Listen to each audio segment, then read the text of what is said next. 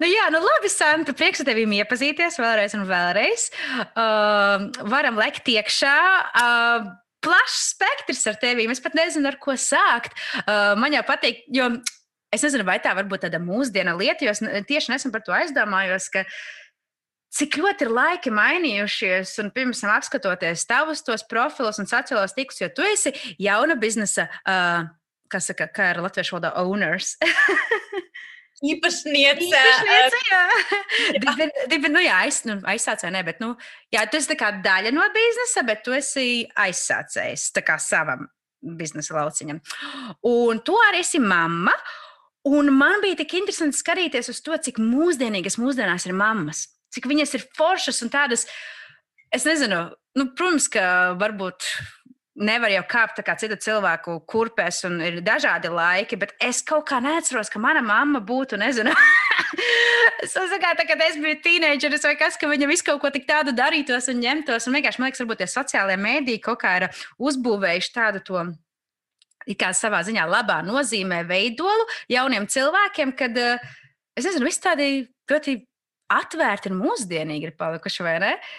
Viennozīmīgi, viennozīmīgi. Es tādu padomāju, īstenībā man pašai ir pārsteigums, ka es esmu tik atvērta un it sevišķi sociālajos tīklos. Mm -hmm. Bet eh, kaut gan īstenībā padomājiet, kad es aizsāku biznesu, man bija jāprasa bērnam, parādi man, kā Instagrams darbojās. Nopietni.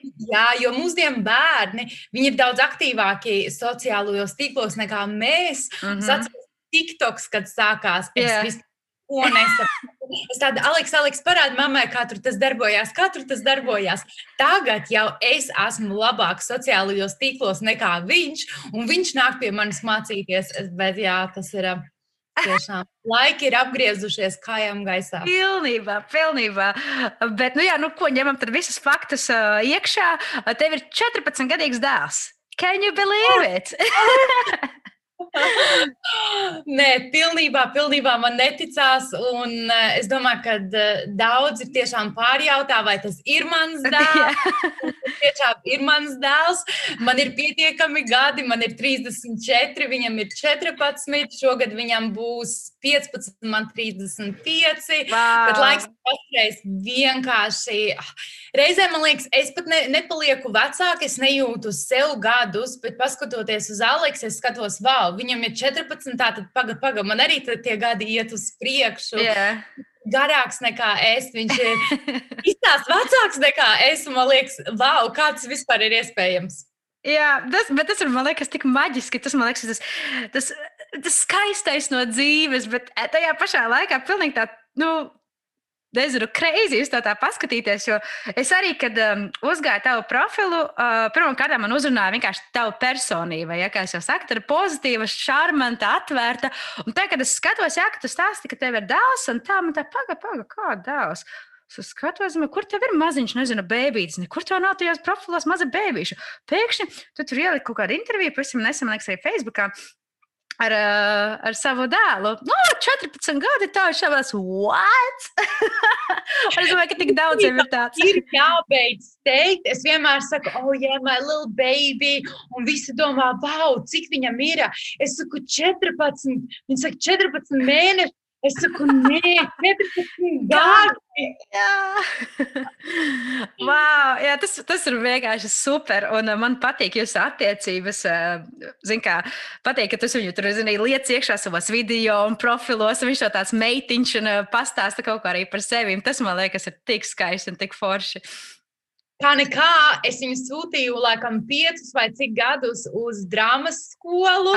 Tagad saku, jā, jo īsnībā, kad es pats sāku šo biznesu, Aleks man bija pirmais palīgs, uh, gan taisīt video, viņš tāds, ok, tev ir jāskatās tur, tur, tas, tas. viņš īstenībā ir palīdzējis, jo viņš gāja drāmas skolā ilgus, ilgus gadus. Tā ir tā, ka Aleks tev ir jārāda savas prasmes lietā, jāliek viņas lietā. Ah, cik forši pagaidi, viņš runā latviešu valodā? Um, Minimāli. ļoti minimāli. Ar mani viņš nerunā. Eh, ar citiem cilvēkiem, kuri nemāk runāt, teiksim, angliski, viņš mēģinās. Viņš saprot. Uh, tādus primāros, teiksim, kā iet, ko ēdīsi, skaitīt māk, bet tā brīvi runāt, nē, to viņš nevar. Nu, jā, nu, ja viņš ir tomēr, zin, kā audzis un dzimis, es nezinu, vai mhm. dzimis ir šeit, dzimis arī šeit, Anglijā. Wow! Nu, Pagaidies, nu kā tu nokļuvi Anglijā? Kā tas viss sākās? No kurienes tu esi Latvijā? es esmu Latvijā no Rīgas. Tātad mm. esmu rīznieks, bet bērnības pavadīju diezgan daudz Bauskā. Tā kā Bauska man ir ļoti, ļoti mīļa vieta. Šautauta Bauska. bet uh, skolā visur es gāju Rīgā, uh, Čangaragā, un tad es gāju 25. vidusskolā un tad komerces ģimnāzijā. Bet cik es zinu, man liekas, viņi laikam vairs nav, ir tālmācības skola vai kaut kas ah. Un, jā, jau kad beidzu 12. klasi, es noliku tiesības, un tieši nākamajā dienā, kad noliku tiesības, es aizbraucu projām no Latvijas. Man bija cik 18, jā, 18 gadi, augustā aizbraucu, un tā arī esmu palikusi kaut kur pasaulē. Wow! Doma īstenībā bija nedaudz savādāka. Es domāju, ka mums reizēm dzīve iegroza nedaudz Protams, savādāk. Jā adaptēties. Es aizbraucu uz Gensiju, kas ir uh, maza sala Anglijā, okay. vairāk tuvāk Francijai. Man tur tēvs strādāja, un tas bija tāds ah. vasaras uh, darbiņš, tur silti, forši. Domāju, ok. Iepelnīties. Jā, valodu nezināju īsti. Ah, Kā jau mēs skolā iemācījāmies, my name is Santa, I'm from Latvia. Un tas, laikam, ir īstenībā viss, ko mēs iemācījāmies. Mm -hmm. uh, es aizbraucu, un jā, doma bija pāris mēneši vienkārši papelnīties. Mm -hmm. Bet lietas iegrozījās nedaudz savādāk. Viņš oh, vēl 15, 16 gadi esam šeit. jā, jā, puisis, kā jau, kā jau mums jaunībā, mums puiši vēl galvā ir. Arī tagad viņi ir galvā, ko es tādu Bet jā, sanāca tā, ka es iepazinos ar puisi Gensijā. Un pieteicās mans mazais brīnums, Aleks. Ah, redz, Jā, jā, pieteicās, puisis mani bildināja. Uh. Jā, jā, un tad mēs uzzinājām, ka mums e, būs mazais Aleksīds. Um, tas bija ļoti, ļoti liels man pārsteigums. Man pašai bija ļoti liela sapņa dzīvē. Dzīvē es vēlējos braukt uz Vāciju, kur man ir arī ģimene. Um, mm. Um, un, un nezinu, kādi plāni, bet dzīve parādīja kaut ko savādāk. Viennozīmīgi nenožēloju savu bērnu, ka man viņš piedzima. Tas ir, man liekas, lielākais brīnums, kas man ir noticis. Un īstenībā reizēm viņi mums pastumj un, un pagrūž uz priekšu. Uh, bet, lai to, to lielo, lielo storiju samazinātu nedaudz mazāk, mēs uh, atbraucām uz, no Gensijas uz Prestonu. Okay. Tātad tas ir Anglijas ziemeļos, netālu no Manchesteras. Es domāju, ka visdrīzāk pils, um, cilvēki zinās Manchesteru.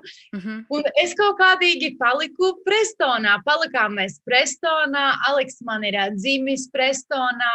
Mm. Šeit Nīcā, jā, viņš piedzima septembrī. Un, un tā kaut kā lēnām, lēnām iedzīvojos. Diemžēl mūsu attiecības ar bērnu tēvu um, izjuka viena mm -hmm. vai mhm. otra Pēc... Nu, jūs jauni ļoti bijāt, kad sagājāties kopā. Nu, bez mazliet tas tā loģiski, bet, nu, jā. Ir, jā, un es domāju, ka, protams, reizēm tas strādā un viss ir kārtībā, bet es domāju, ka tur, tur nav man nekādas um, apvainojumi vai skumjas. Tā tam vajadzēja notikties. Um, Aleksam ir ļoti, ļoti labs tētis. Viņš ir atpakaļ Gensijā, viņš ir no Gensijas. Mm. Aleks braukā uz Gensiju. Viņš īstenībā tikko pavadīja sešas nedēļas uh, Gensijā. Eh, Ziemassvētkus, jaunogadu, visu decembri viņš bija pie tēva. Tā kā, tādā ziņā mums ir ļoti, ļoti labas attiecības. Jā. Ļoti, jā, tiešām es saku, tur ir tikai un vienīgi bērns mūsu dzīvē. Es vēlu viņam veiksmi, prieku un visu pārējo. Bet jā, mūsu dzīve ar Aleksu iegrozījās Prestonā. Un tiešām saku, tas bija tāds negadījums. Tas nebija plānots Prestona. Man liekas, tas vienkārši notikās. Un jā, šobrīd jau mēs esam šeit 15 gadi. Wow!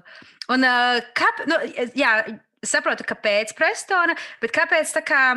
Vai joprojām ir tik tāda stabila bāze Prestonā, tāpēc, ka tā kā iedzīvojāties, vai uh, nekad nav bijis doma, varbūt uz Manchesteru, jo tā kā Manchester ir lielāka pilsēta, vai Labs jautājums, jo īstenībā tad, kad es tikko atbraucu uz Lielo Angliju no Gensijas, Gensija yeah. ļoti maziņa sāla, ļoti skaista, ļoti droša, fantastiska.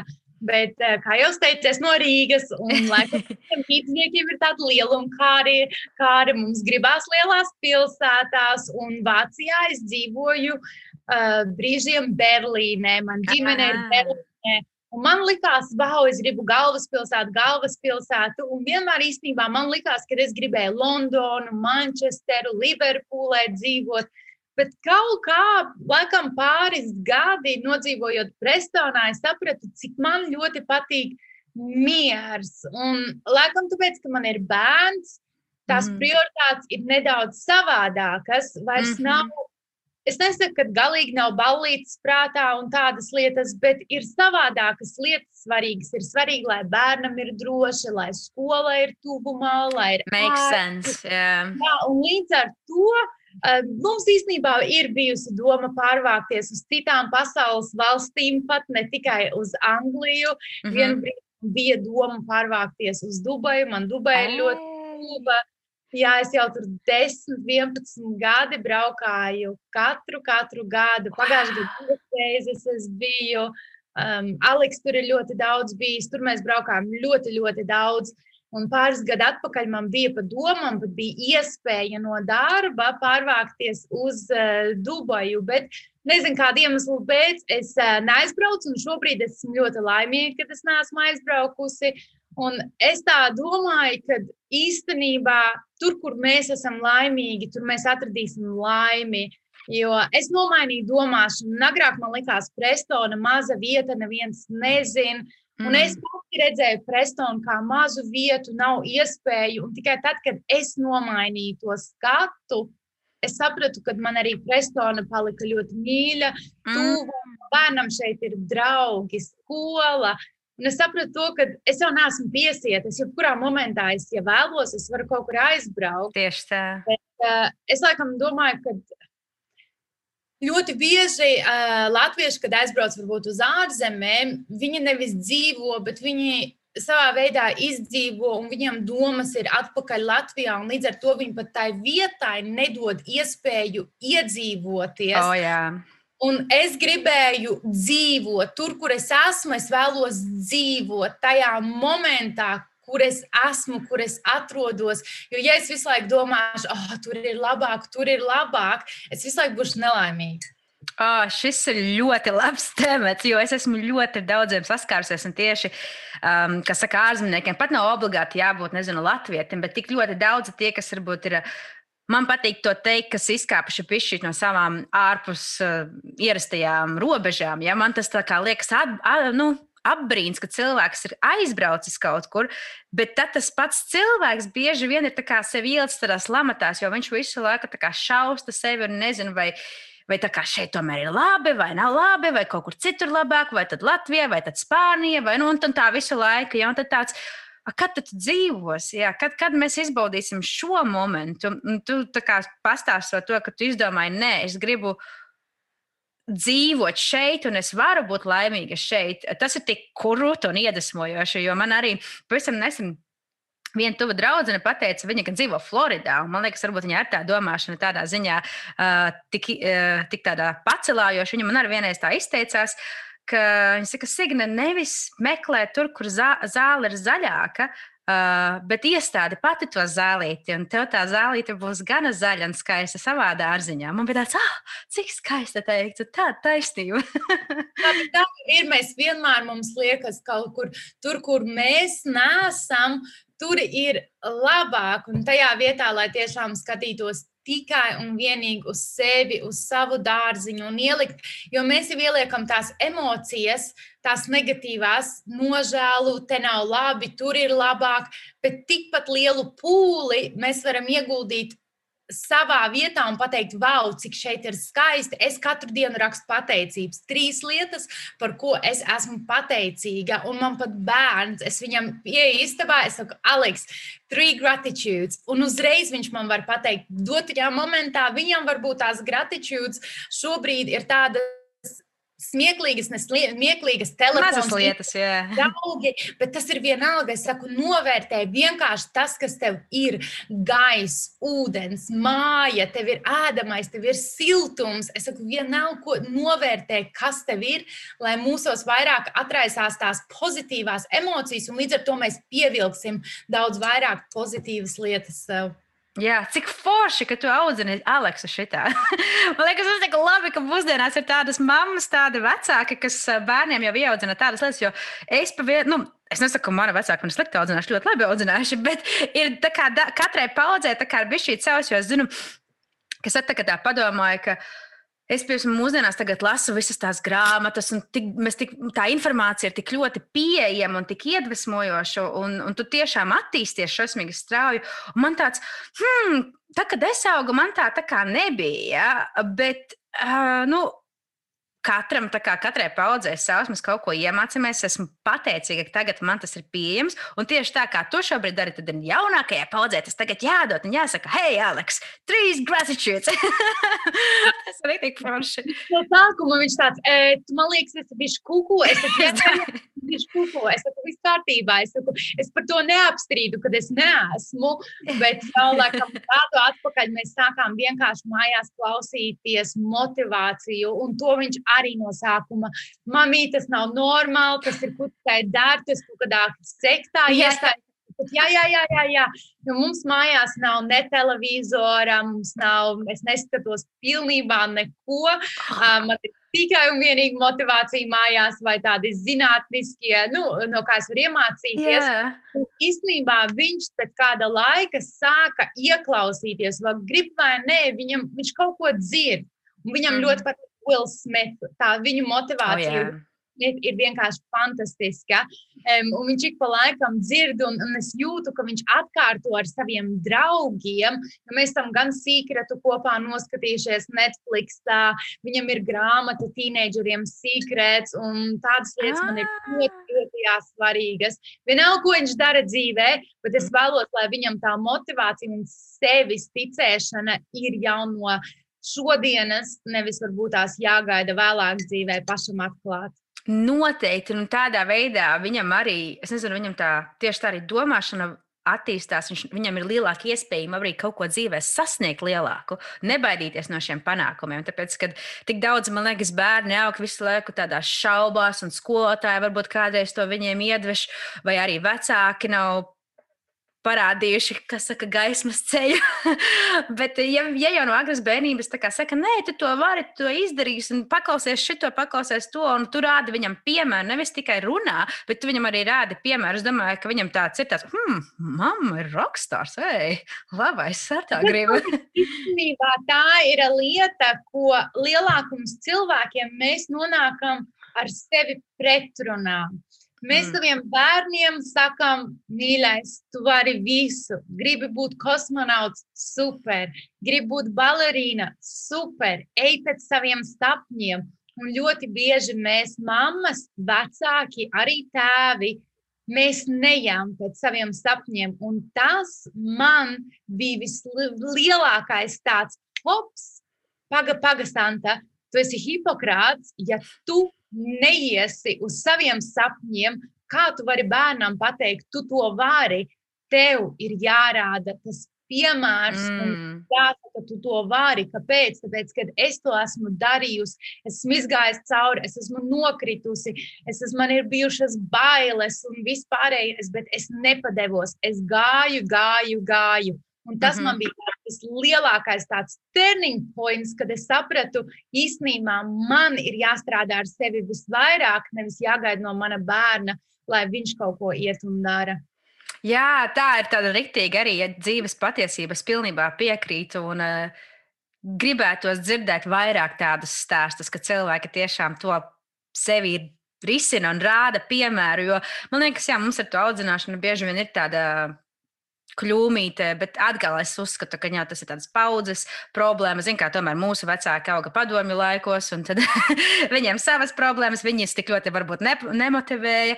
Uh, daudzās lietās līdz ar to viņiem varbūt bija grūtāk audzināt mūs, uh, bet tas tik tiešām ir, ka, nu, ja tu viņam rādīsi piemēru, un kā saka, pa priekšu parūpēsies par sevi, tad viņam arī būs tas piemērs. Viņš redz, ja, jo vārdi ir vārdi, pa vienu galvu, iek, pa vienu ausu iekšā, pa otru ārā. Tā bieži vien notiek. Un sevišķi, ka tas tik jauns, kā piemēram tavs dēls, ka, zin, kā vairāk ir tusiņa, ballītes un uh, draugi vairāk. Un, un, bet ja viņš redz, ka nē, man mamma rāda piemēru nepārtraukti, viņš to sapratīs.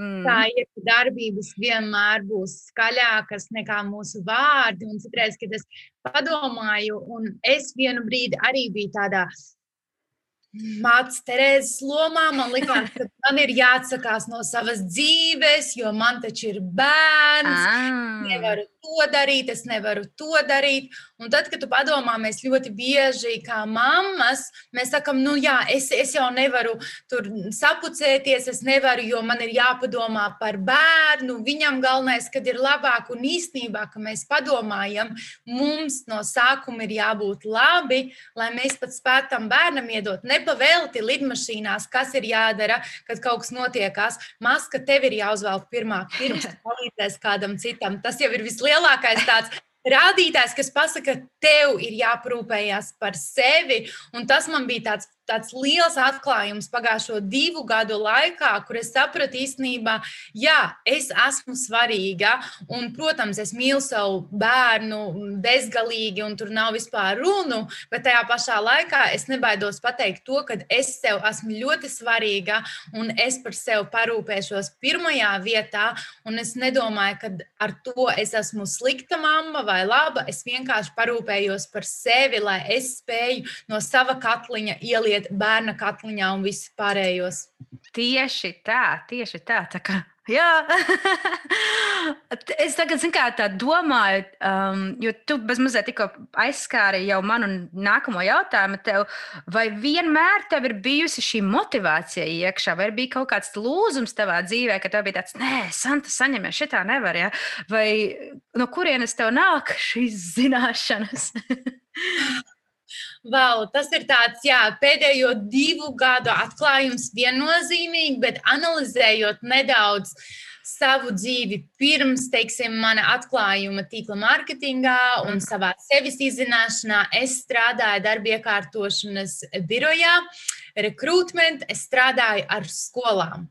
Es okay. skolā meklēju skolotājus, un es tur strādāju deviņus gadus. Nemaz neapzinoties, es biju ļoti mērķiecīga. Es zināju, ka es vēlos, es vēlos, es vēlos kaut ko sasniegt, un es biju vēl ļoti jauna, kad es sāku, laikam, 23 gadi man bija, kad es sāku uh, rekrutmentā strādāt.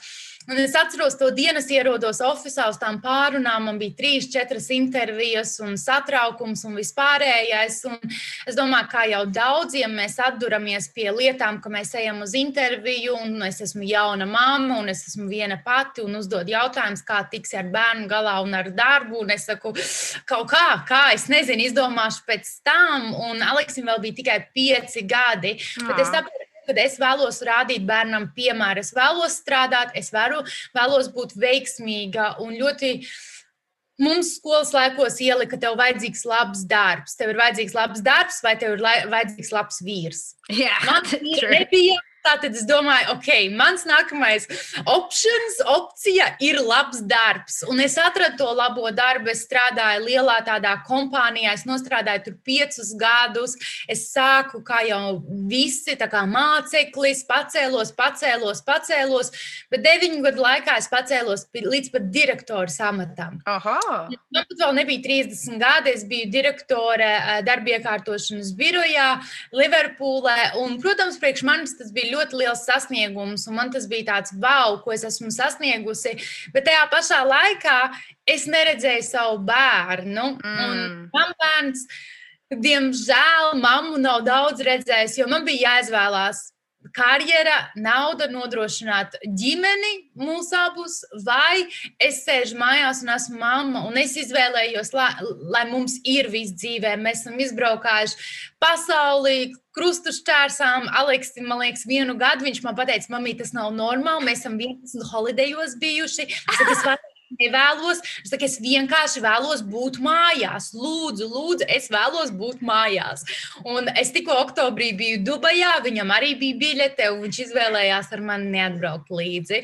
Nu, jā, jā, jā, jā, jā, viņš teica, nē, man ir pa daudz, es vēlos būt mājās.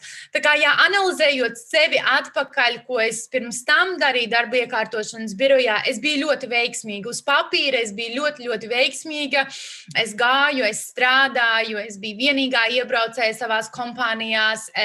No turienes arī bija tas, ka es angliski visur runāju, man mājās ir angļu valoda tikai, man visa dzīve bija vienkārši mhm. angliski. Un es šausmīgi mīlēju to darbu, jo es palīdzēju citiem cilvēkiem atrast viņu, kā sacīt, sapņu darbu, atrast okay. to pareizo skolu. Man šausmīgi patikās ar skolām strādāt, ar skolotājiem es gāju, es daudz labprātīgi gāju un darīju.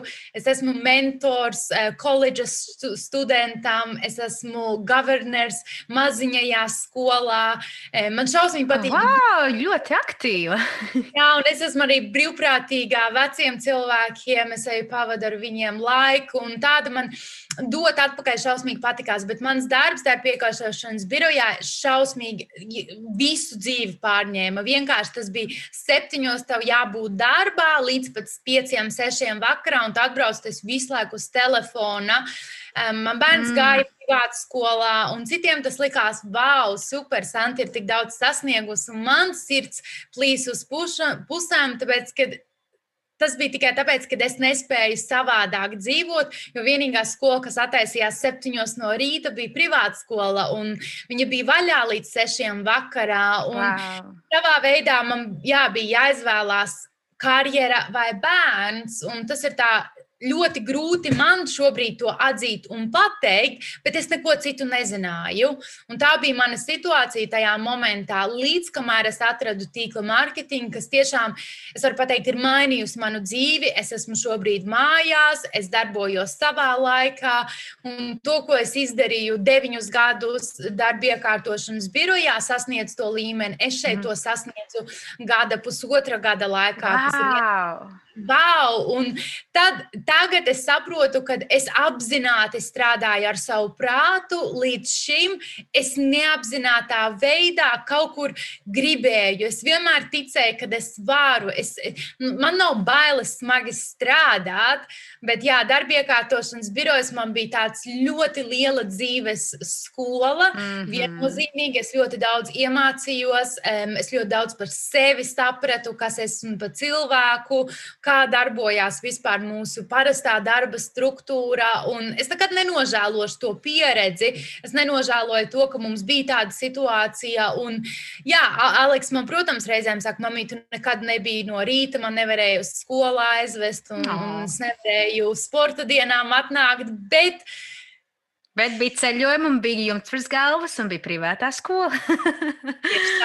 Tieši Jā. tā, vienmēr var atrast kaut ko pozitīvu, jebkurā situācijā. Un mm. to es esmu arī iemācījusies, ka mēs varam skatīties un atrast negatīvas lietas, bet es šobrīd uz to pieredzi redzu tikai pozitīvas lietas, kad esmu parādījis bērnam, ka ir jāiet, jādara, jā, tas ir grūti, tas ir smagi, bet mēs varam visu dzīvē sasniegt, visu, neskatoties, ko cilvēks saka. Un, kad es padomāju, atbraucot uz Angliju, es nerunāju ne angliski, es nezināju šeit neko. Ne ne draugi, ne radi. Man nebija neviena, un deviņu gadu laikā es spēju sasniegt tādu līmeni, kad es biju direktore bez augstākās izglītības, jo es jau esmu vientuļā māmiņa.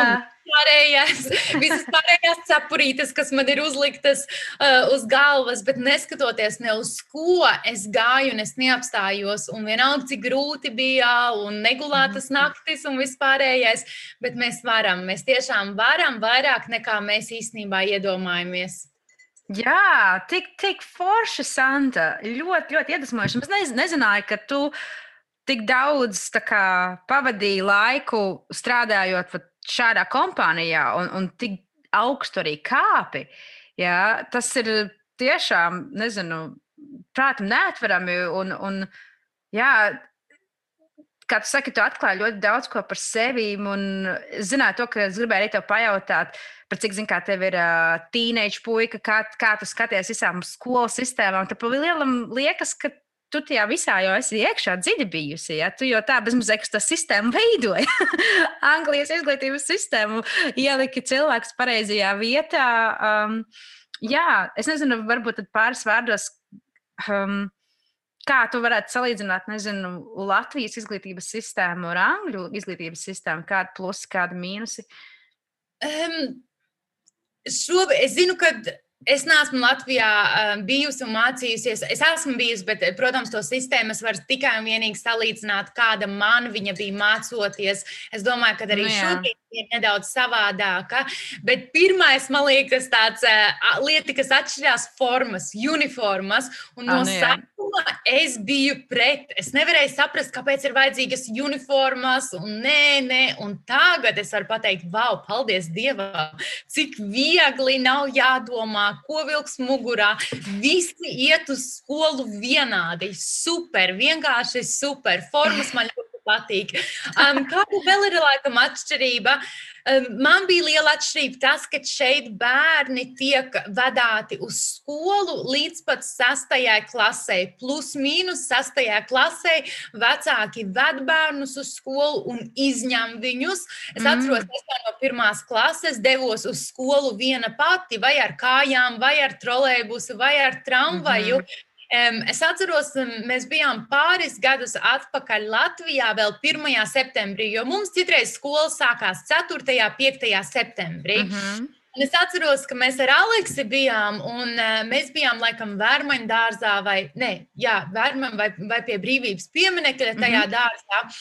Un, uh, un bija 1. septembris, un šausmīgi daudz bērni vieni paši iet, un pat Aleksim bija tā, mm, kāpēc viņi vieni paši staigājās. Mm. Um, šeit, um, Anglijā, ļoti maz bērni, varbūt no piektās klases, ja viņi dzīvo tiešām tuvu, skolai, Jā. viņi ies uz skolu vieni paši, bet šeit mums viņi ir tiešām jāvadā no pirmās līdz sastai klasei, un tad septītajā klasē plus mīnus bērni iet vieni paši. Kaut gan es vēl joprojām īstenībā Aleks vadīju skolu, un es nezinu, kāpēc.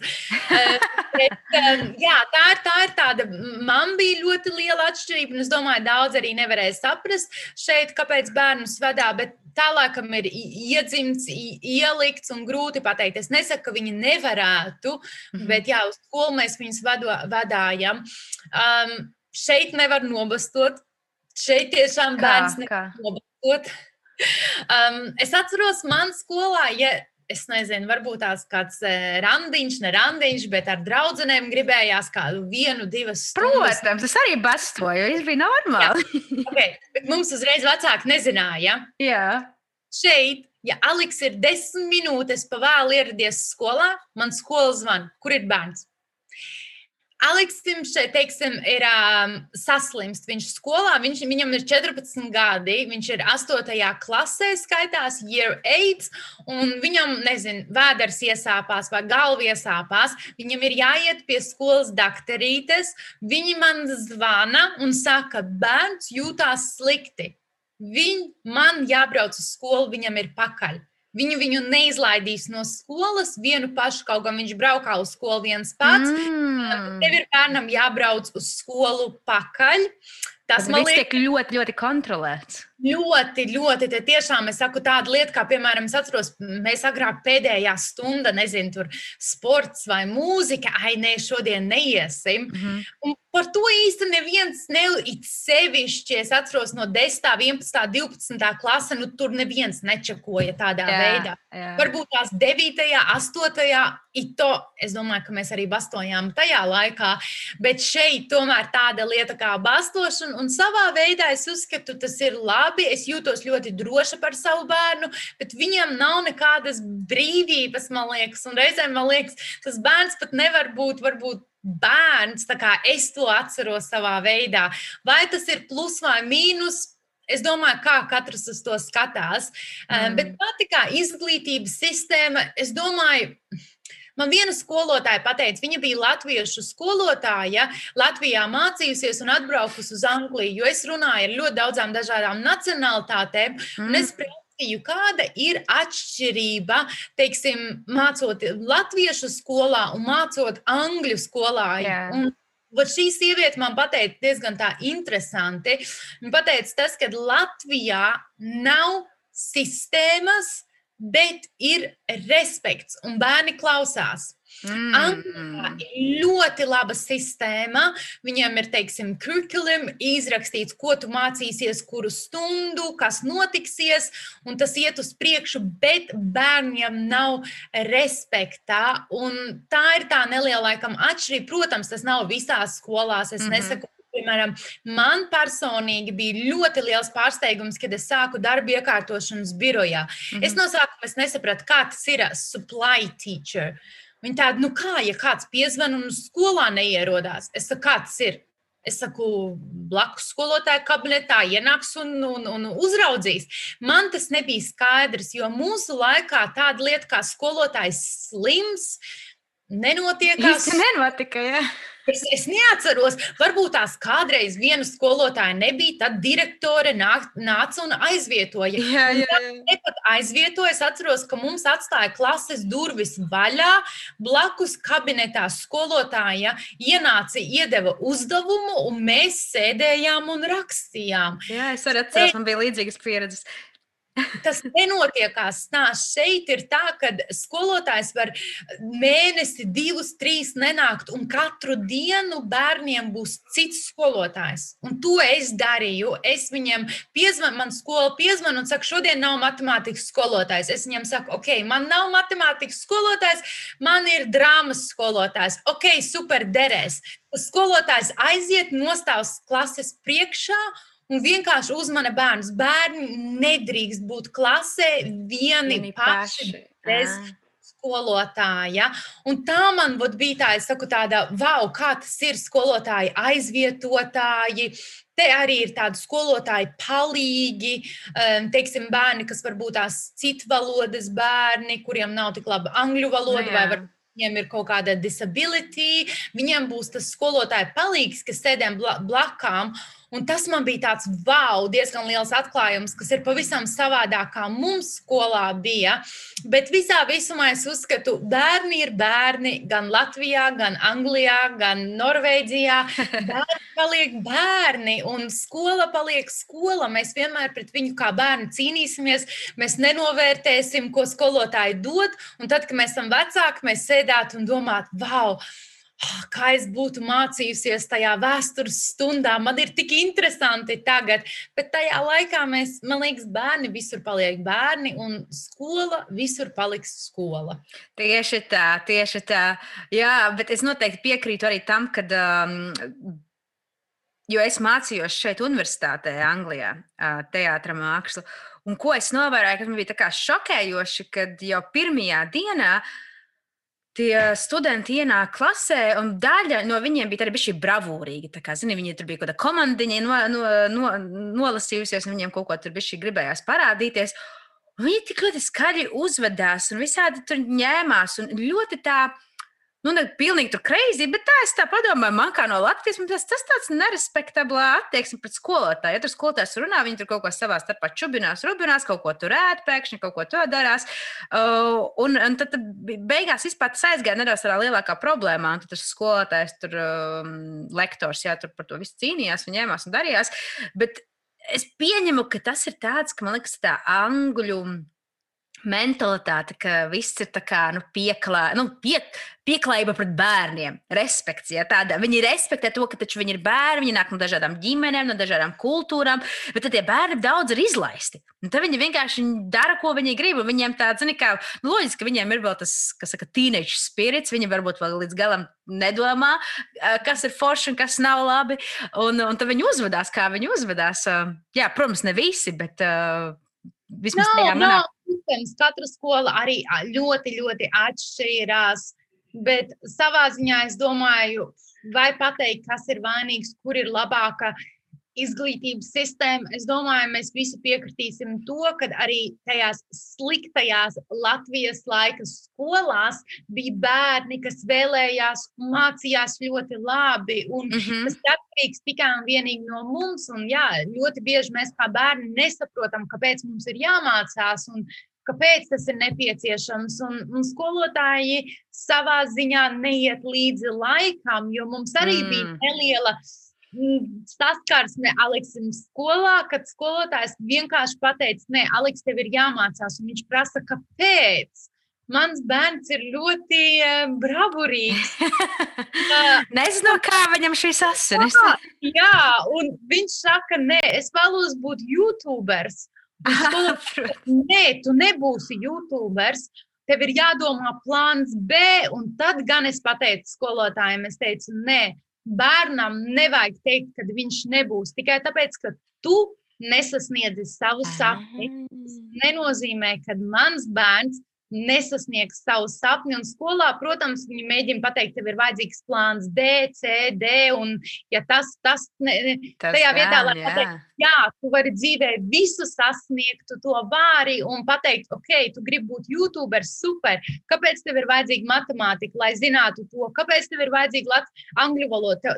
Dēļ tā un savā veidā savienot. Kāpēc? Nevis mm -hmm. pateikt, nē, tu to nevari. Mm -hmm. Jo ļoti bieži mēs jau sakām to savus nē, dēļ saviem tiem limiting beliefs. Ne jau dēļ cita, nekāda, nekāda cita iemesla, jo mums liekas, nu jā, ja mēs to nevaram, tad varbūt citi nevar. Bet mhm. īstenībā mm -hmm. mēs katrs esam individuāls. Un tas bija vienīgā reize, kad skolā es nepiekrītu, uh, kā viņi apējās ar bērnu un kādā veidā viņi nostāja to, ka es esmu skolotājs, tev man ir jāklausa, tev ir jāzina, kāpēc. Kāpēc mm -hmm. man jāklausa. Un es domāju, ka mūsdienās tie jaunieši aug pavisam savādāki. Mm -hmm. Es skatos uz Aleksu un kādus argumentus vai, teiksim, debates viņš ar mani šobrīd uh, dara mājās. Man liekas, wow, no kurienes tev tā visa informācija īstenībā saka ļoti pareizas lietas. Un man reizēm ir tā, ka es īsti nezinu, ko tev atbildēt. Ja? Es esmu mamma, es esmu yeah. mamma, jo man ir jāklausa. Viņš teica, tas īstenībā bija mūsu live video ar Aleksi. Kad es teicu, viņš tā saka, man ļoti nepatīk, ka tu vienkārši pasaki, es esmu mamma, un tev man ir jāklausa, tev man ir jāpasaka iemesls. Un īstenībā es tam piekrītu, jo mums ir jāiedod viņam, kāpēc, kāpēc, kāpēc, mm -hmm. vai ne tādas klausās, lai mēs viņu pasargātu, vienalga kādu iemeslu, bet bērnam ir jāzina, kāpēc. Es neesmu autoritāte, kad viņam tagad vēl viss ir jādara, ko es saku. Mēs nedzīvojam mm. padomju savienībā, kur mums visiem ir jāiet pa strīpu un jāklausa. Mm. Mm -hmm. Domāju, ka pasaule ir mainījusies, um, bet jā.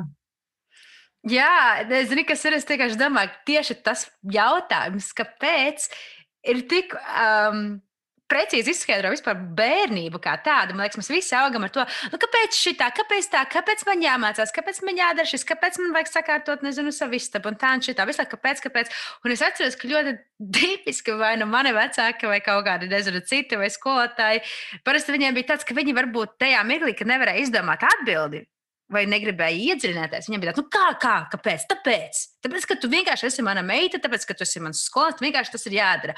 Un bija tāds vienmēr, man vienmēr bija tāds, hmm, tad tas ir tas tavs pamatojums, tāpēc, ok, un, bet tu īsti man nekā neiedevi to informāciju. Ja? Bet es, nu, es, protams, saprotu, nu, jo visi grib tur, katru dienu atbildēt uz tā sīča 60 jautājumiem. Bet, eh, ja tu vismaz ir kaut kādi jau galvā argumenti, ir baigi svarīgi ik pa laikam tos argumentus tam bērnam pateikt. Un lai viņš tā kā sadzird, kāpēc, kāpēc man tas ir jādara. Nevis, nē, tāpēc tu nebūsi nekāds YouTuberis, jo taču dzīve ir skarba un ir šī tādas, tādas vai ne lietas. Hmm, jā, very nice. Un tagad tu pateici, ka nu, nu. mums ar vārdiem ir ļoti, ļoti jāuzmanās, jo es arī tagad, kad īstenībā padomāju, ļoti bieži mēs bērnam, bērns saka, es nezinu, iedod man 5, 10 poundu, vienalga cik. Un pirmā mūsu atbilde ir, man nav naudas. Man nav naudas. Un īstenībā mēs melojam, un ko mm -hmm. mēs mhm. darām, mēs piesaucam to, ka mums nav naudas. Mm. Es to ļoti nomainīju. Es saku, Aleks, man ir nauda, bet es izdomāšu, vai es viņu tev došu, vai es tev viņu nedošu. Un ļoti bieži īstenībā, kad es sāku tīkla mārketingu, es sāku aizdomāties un iedziļināties, kā mēs runājam un kāpēc mēs ļoti bieži sev piesaistām. Piemēram, draudzene pasaka, nāksi ārā. Pirmā atbilde, man nav laika. Mm. Mēs cilvēku runājot, man nav laika, man nav, man nav laika, man nav naudas. Ko mēs piesaucam, man nav laika, man nav naudas. Tā tiešām arī nav. Jā. Vā! Jā. Un par to tīkla mārketingu, kā, kā tu to uzsāki? Un, un es saprotu, ka tu nostrādāji oficiālā ja, kādu laiku, un tā bija tāds, nu, ka jau ir gana, gribās varbūt kaut ko pamainīt. Tad, um, kā tu uzgāji tīkla mārketingu un jā, pastāst par to vairāk? Jā, tas bija pavisam, pavisam nejauši. Un īstenībā tieši divi gadi atpakaļ šodien es devos eh, ceļā uz Poliju slēpot mums uh, vienmēr ir šī nedēļa skolām brīvlaiks. Mēs mm. parasti dodamies slēpot, un mēs braucām uz Poliju, uz Zakapāne. Ah! Jā, tiešām fantastiski. Mēs tur pāris gadus esam bijuši ar Aleksu. Viņam ļoti patīk slēpot. Es esmu tāda, ka ne visi bērni es to izdarīšu, bet man bija šausmīgākais azarts. Man iepatikās.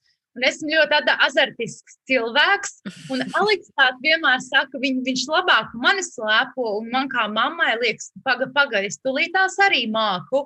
Yeah. Un mums ar viņu jā, bija neliela tāda sacīkste polijā tieši pirmajā, otrajā dienā.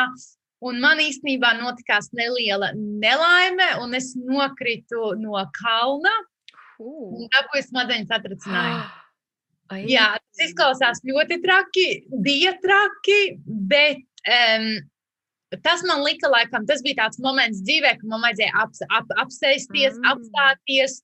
Un es paliku uz gultas pāris nedēļas, atbraucot atpakaļ. Un tas bija diezgan tāds traks laiks, kad es sāku pārdomāt dzīvi, es sāku domāt, vai es varu izturēt šo spriedzi no darba, no visas pasaules. Un tieši tad, kad es biju uz gultas, sapratu, ka es vēlos būt mājās. Es vienmēr esmu vēlējies būt mājās, bet es nezināju, kā. Un sociālajos tīklos es uzgāju produktus. Um, produkti pirmais man bija vienkārši tādi, lai es labāk justos, kā jau parasti meitenēm svars un vispārējais. Um, jo tas bija laiks, kad es ļoti cītīgi gāju uz sporta zāli, man bija treneris, jau kaut kādu gadu, divus sāku trenēties. Un, jā, tas viss nāca laikam tādā pareizā momentā, bet tajā momentā es sāku domāt, ko es īsti dzīvē gribu, un es sāku skatīties iespējas. Man piedāvāja pilnībā attaisīt savu darbu iekārtošanas biroju, teica, iedos naudu, starta kapitālu, visu, un es sēžu un domāju, domāju, tā ir tik nežēlīgi liela atbildība. Tas atkal nozīmē, ka es nekad nebūšu mājās, jo man Mhm. visu laiku jāstrādā. Tad es domāju, mainīt karjeru. Es domāju, varbūt tās, ko es vēl varētu sākt darīt um, pasākumus vadīt, vēl kaut kā. Vienalga, vis, vis, visādas opcijas man bija. Un es skatījos, un es sapratu, to, ka man tad ir jāatsakās, ko es šobrīd daru. Bet es nebiju gatava, es domāju, visi piekritīs, ka, ja mēs saņemam noteiktu summu, un tagad pasakā, ok, tev ir no tās jāatsakās, lai tu sāktu no jauna kaut ko, tas ir ļoti grūti. Ir sevišķi, ka mājās ir bērns, tu esi pieradis pie statusa savā veidā. Protams, tā jā. Nav, man liekas, man liekas ko man izpušķot. Tā Jā, arī jā, nu. bija. Um, ja man liekas, ka es tādu braucu 6, 7 holidejos gadā, un pēkšņi nē, es tādu divu gadu sāku savu biznesu, un es nevaru atļauties, protams, ka tas man iedragā manu ego. Mhm. Uh, bet es atradu jā, šo iespēju, kur es varēju darīt blakus savam darbam. Tas nozīmē, ka man nebija jāiet projām no darba, un es varēju sākt veidot apkārt savu biznesu. Mhm. Pirmā skeptiska, vienkārši wow, man likās, nē, tas tā dzīvē nenotiekās, viss izklausās pārāk forši. Um, no draugiem radījām ļoti daudz skeptiskuma. Santa, tu esi stulba, traka, ko tu dari, tev ir tik labs darbs, tu, tu, tu traka un vispārējais. Cilvēks jau nekad nezina, kas mums darās mūsu sirsniņā. Um, reizēm mēs dzīvojam pēc sabiedrības normas, un, ja mēs tādā padomājam, mēs satiekam cilvēku. Pirmais jautājums, čau, cik tev gadi? Tev ir bērns, vīrs, māja, un līdz ko cilvēks atbild tos jautājumus, mēs viņu ie- ieliekam noteiktā rāmī. Jā. Jā, viņš ir veiksmīgs, viņš ir neveiksminieks. Viņa ir, kā saucās tā kaķa tante, ka, kas nav precējusies līdz 30 Vecmeita? vecmeita, un mēs ieliekam tos cilvēkus rāmīšos. Un tad es tā sapratu, wow, īstenībā tiešām mēs esam ļoti lielos rāmīšos, un tīkla mārketings nāca man pareizajā laikā, pareizajā vietā. Es biju tam gatava, es biju nobijusies viennozīmīgi. Ja man teikt, kāds būtu pateicis, ka es teiksim, taisītu live video vai vēl kaut ko runātu šādā veidā, nekādā gadījumā. Divi gadi atpakaļ es pateicu, jūs man nekad dzīvē neredzēsiet live video, nevienā video, nevienā storijā. Tie bija mani vārdi. Jo ja bija kaut kā tāda skepse pret to visu, ka tā kā.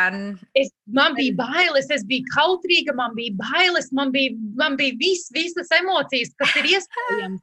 Man bija bailes no publiskās runāšanas, ko pa man cilvēki teiks, domās, oh, kas man tik nebija. Viss, viss kā es yeah. latviešu runāju, kā es angliski runāju, vai man ir akcents, vai es pareizi izsakos. Ah, visas domas, visas iespējamās. Tā kā, ja es to varu, es viennozīmīgi varu pateikt, to visi, visi cilvēki var, un reizēm mums vienkārši ir jāuzdrīkstās. Mm. Un es varu pateikt milzīgi paldies tīklu mārketingam, kas man ir iemācījis sevi mīlēt. Un es pat uzskatu, ka nauda viennozīmīgi ir fantastiska. Tīklu mārketings ir vienkārši mūsu zīme uz, uz sevi, mūsu ceļš atrast sevi, izveidot sevi, kādu mēs vēlamies. Un, protams, arī nauda ir fantastiska, bet priekš manis personīgi ir personīgā izaugsme.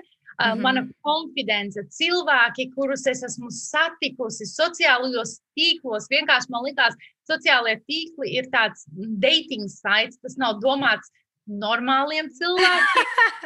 tas nāk no manas tādas yeah agrāk cilvēki vienkārši ieliek mūsu rāmīšos un pasaka, kas ir normāli un kas nav normāli. Mm. Bet jā, tīkla mārketings ir pilnībā izmainījis manu dzīvi.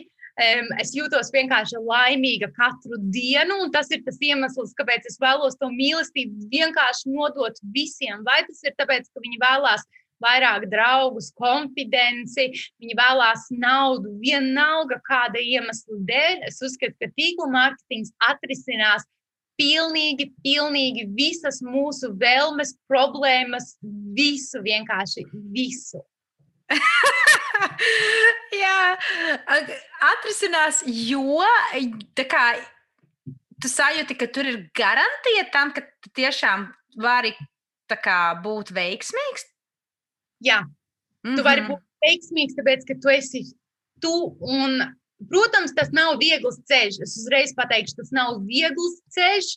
Bet reizēm, kad mēs padomājam, vai celties 5, 6 no rīta, braukt stundu uz darbu, neredzēt savu ģimeni, vai tas ir viegli, tas arī nav viegli. Un reizēm ir jāpadomā, izvēlamies savu viegli vai grūti. Un, ja es padomāju, deviņi gadi es strādāju darba iekārtošanas birojā, lai nonāktu tādā līmenī, finansiāli, teiksim, uh mhm. -huh. un šeit es nonācu pēc pusotra gada.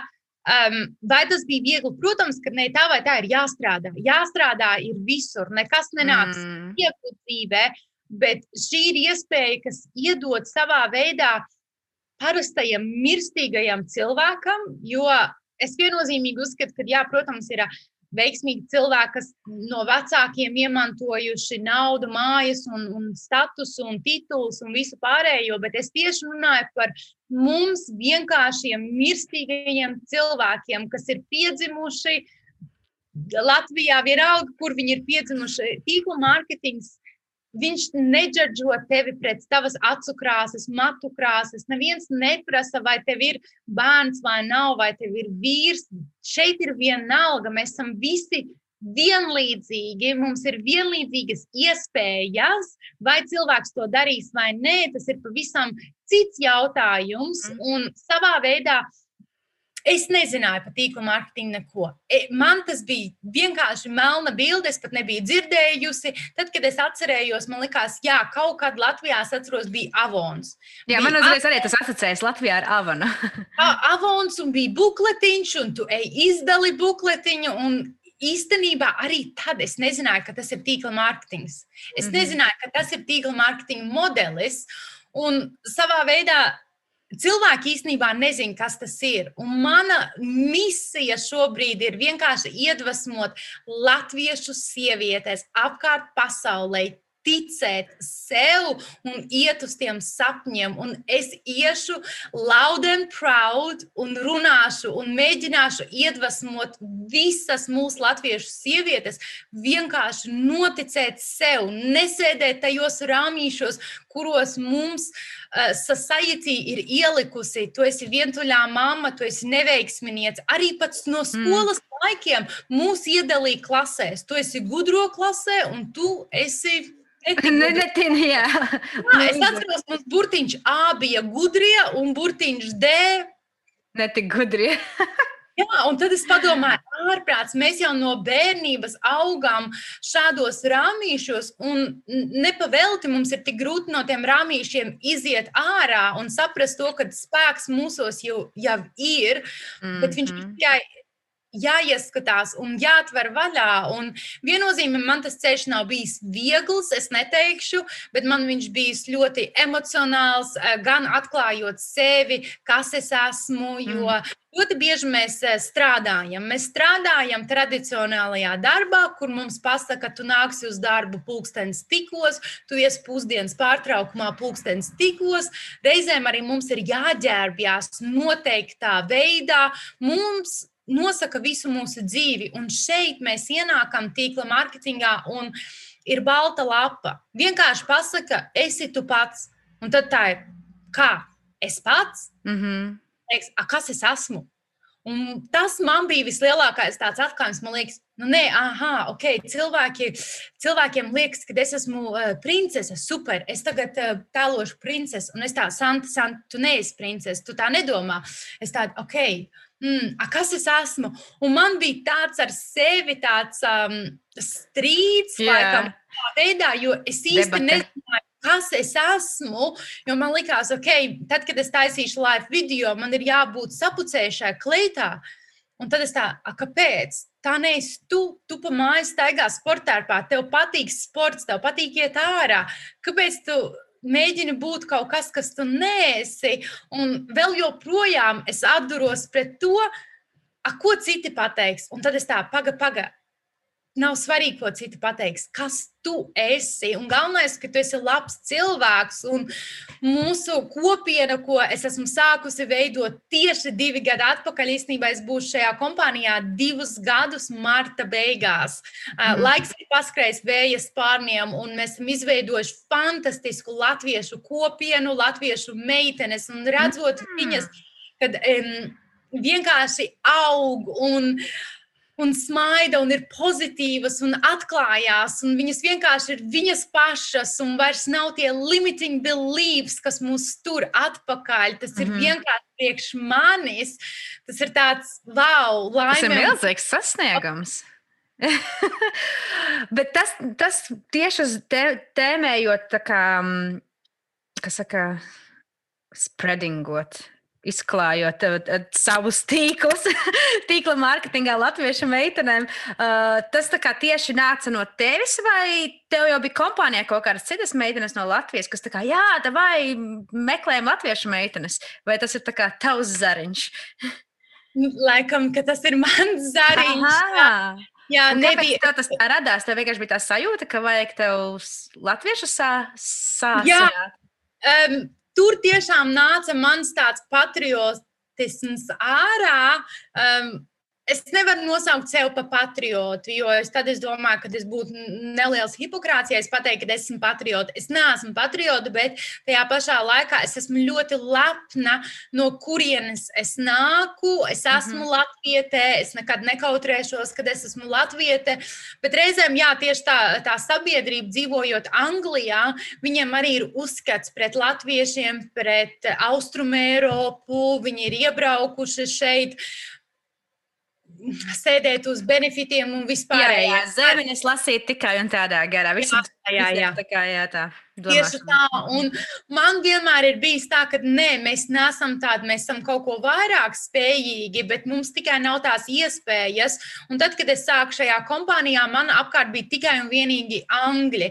Bet es pirmajā mēnesī redzēju lietuviešu meiteni, un man bija tā, wow, ja lietuviete var, tad mēs arī varam. Un, un kaut kā sākās ar to, ka īstenībā es aizsāku visu angliski uh, savos sociālajos tīklos, jo man bija vieglāk angļu valodā.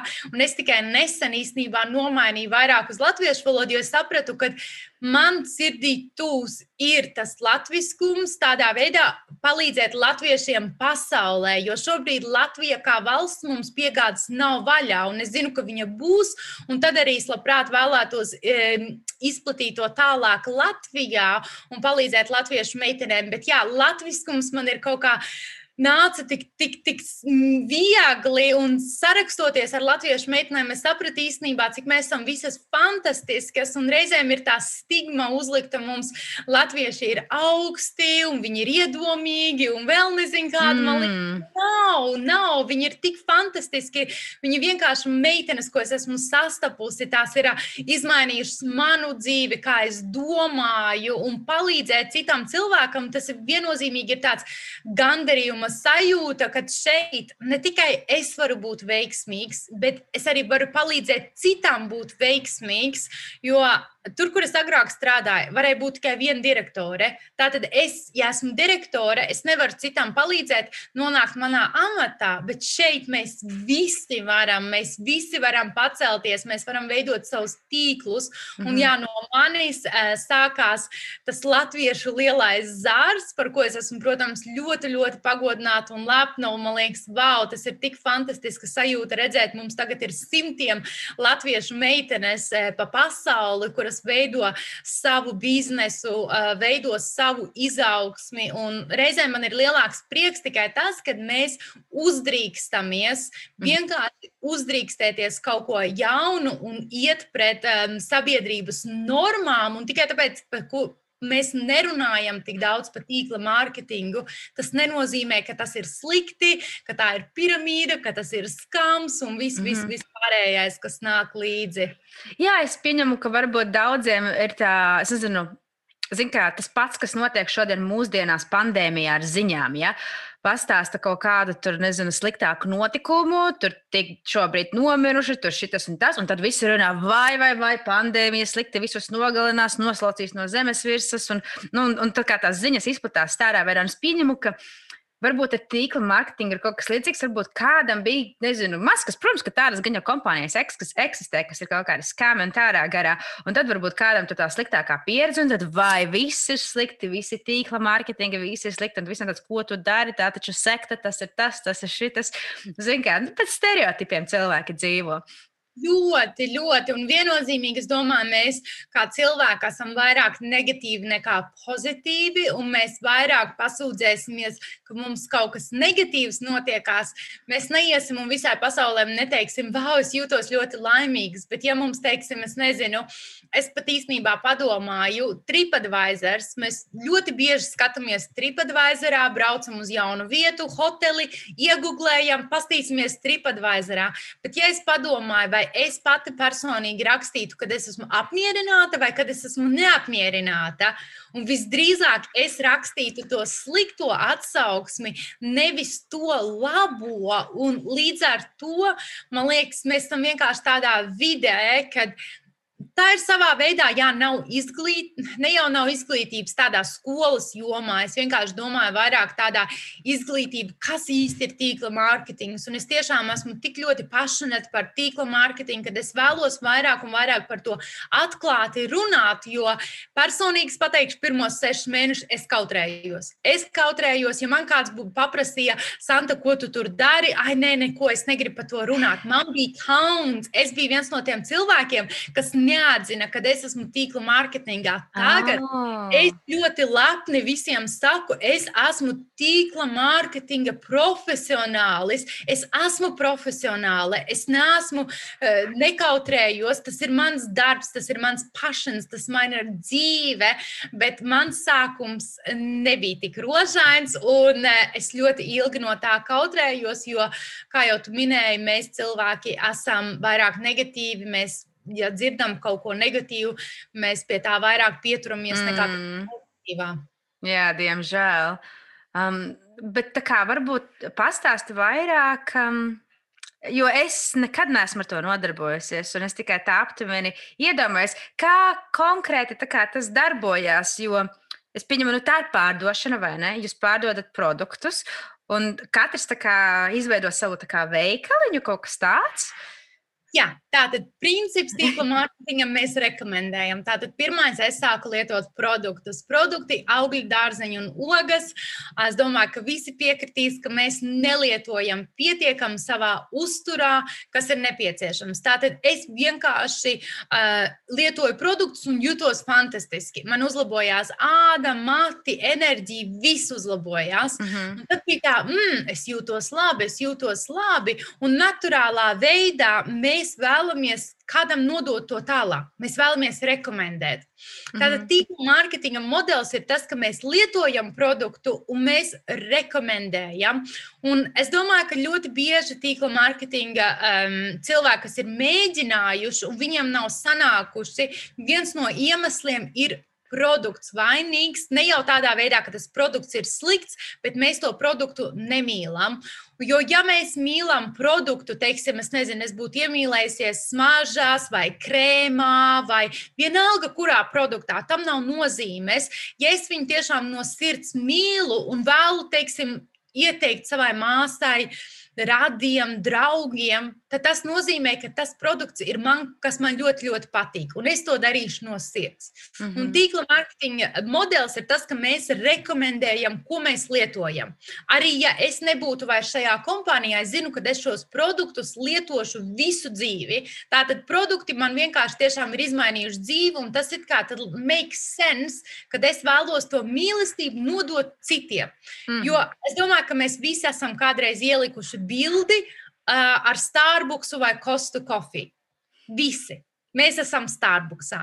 Tātad, ko mēs darām? Mēs esam tīkla mārketinga profesionāļi, tikai mēs par to nesaņemam naudu. Jo mēs esam reklamējam Starbucksu, mēs dodam viņam pavēlti reklāmu, un tīkla mārketingā mēs par to saņemam naudu. Jo statistiski ir pierādīts, ka cilvēki labprāt klausīsies dzīvu cilvēku rekomendācijas. Tātad, ja mēs padomājam reklāmas, Marks un Spencers vai jebkurš veikals Aldi liek radio televizorā reklāmas un maksā par to nežēlīgo naudu. Tātad, ko mēs tīkla mārketingā darām? Mēs esam reklāma kas ir labi apmaksāta reklāma.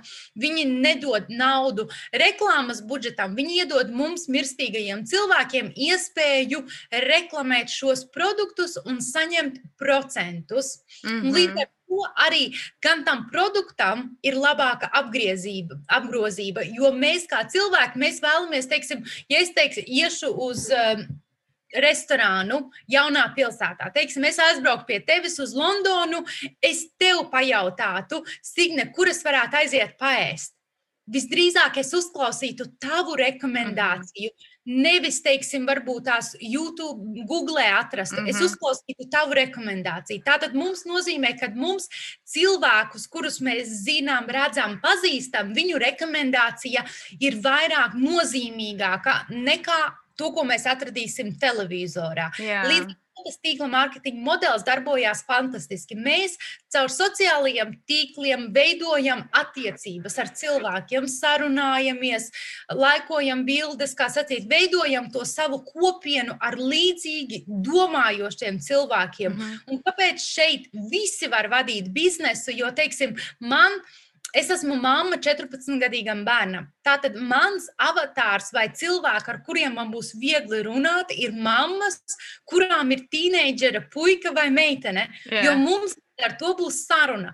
Varbūt cita meitene, viņai ir tikko bebīts piedzimis, viņas tirgus vai tie cilvēki būs jaunās māmiņas. Mm -hmm. Varbūt jauna meitene, kurai patīk zirgi. Viņas tirgus būs zirgi. Un līdz ar to mēs atrodam to savu lauciņu, mm -hmm. un mhm. varbūt tās viens ir skaļš, super, pievilks skaļus cilvēkus, varbūt tu esi kautrīgs, super. Tu vairāk pievilksi tos kautrīgos cilvēkus, jo es ļoti labi saprotu, ka es nepievilkšu visus cilvēkus, bet es nevēlos uzrunāt visus cilvēkus. Es vēlos uzrunāt cilvēkus, kas ir santa, cilvēkus, kas dzīvo varbūt ārzemēs ilgāku laiku, kurš latviešu varbūt tās nemāk izteikties perfekti, un kāds angļu vārds iesprūks, varbūt kuriem ir tīneģa puika, varbūt meitene, kura ir savā veidā daudz sasniegusi tradicionālajā darbā, bet vienkārši vēlās ko vairāk. Ar viņu es vēlos runāt. Tas ir mans avatārs, tas ir mans cilvēks, ar kuru man būs viegli. Mēs šeit varam veidot savu biznesu ar cilvēku cilvēkiem, kuri mūs saistīs, kuri būs mūsu dvēseļu mhm. cilvēki, ar kuriem es varēšu piezvanīt un pateikt, wow, man ir tāda bēda, un viņa man sapratīs. Un mēs tad veidojam to pulciņu, iesakām produktus un sākam veidot komandu. Un mēs katrs veidojam to komandu savā veidā. Tāpat nav komanda. Tā ir vienkārši mūsu pulciņš, kurā mēs atbalstam viens otru, palīdzam viens otram, jo Parastā darbā ir tā, ka mēs to informāciju vēlamies sev paturēt. Nedod Dievs, es viņai pateikšu savu noslēpumu, un viņa tagad būs par mani labāka. Nedod Dievs, es paturēšu savus noslēpumus pie sevis.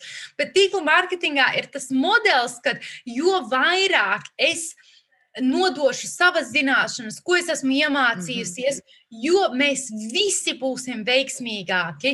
Es, piemēram, vēlos cilvēkus, kas ir gudrāki par mani, kas ir labāki par mani, kas varbūt kaut ko vairāk zina. Man nav bailes, ka cilvēks atnāks un viņš būs par mani labāks. Super! Jo, jo labāks, jo fantastiskāk man ar viņu būs strādāt kopā. Es kaut ko jaunu iemācīšos, viņa kaut ko jaunu iemācīsies. Un tas, tas, tas koncepts, tīkla mārketings ir vienkārši amazing, amazing. Es par viņu varētu runāt dienu un nakti. Es passionate. Man liekas, ka visiem vajag to darīt tikai kaut vai, kaut vai lai iemācītos tādas lietas, kā kas es esmu.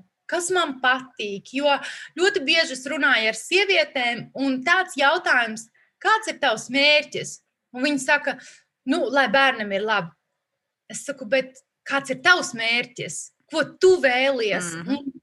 Mums ļoti bieži tādām sievietēm, kas sevis ir strādājošas mammas, mums neviens neprasa, kas ir tavs mērķis, mm -hmm. ko tu vēlies.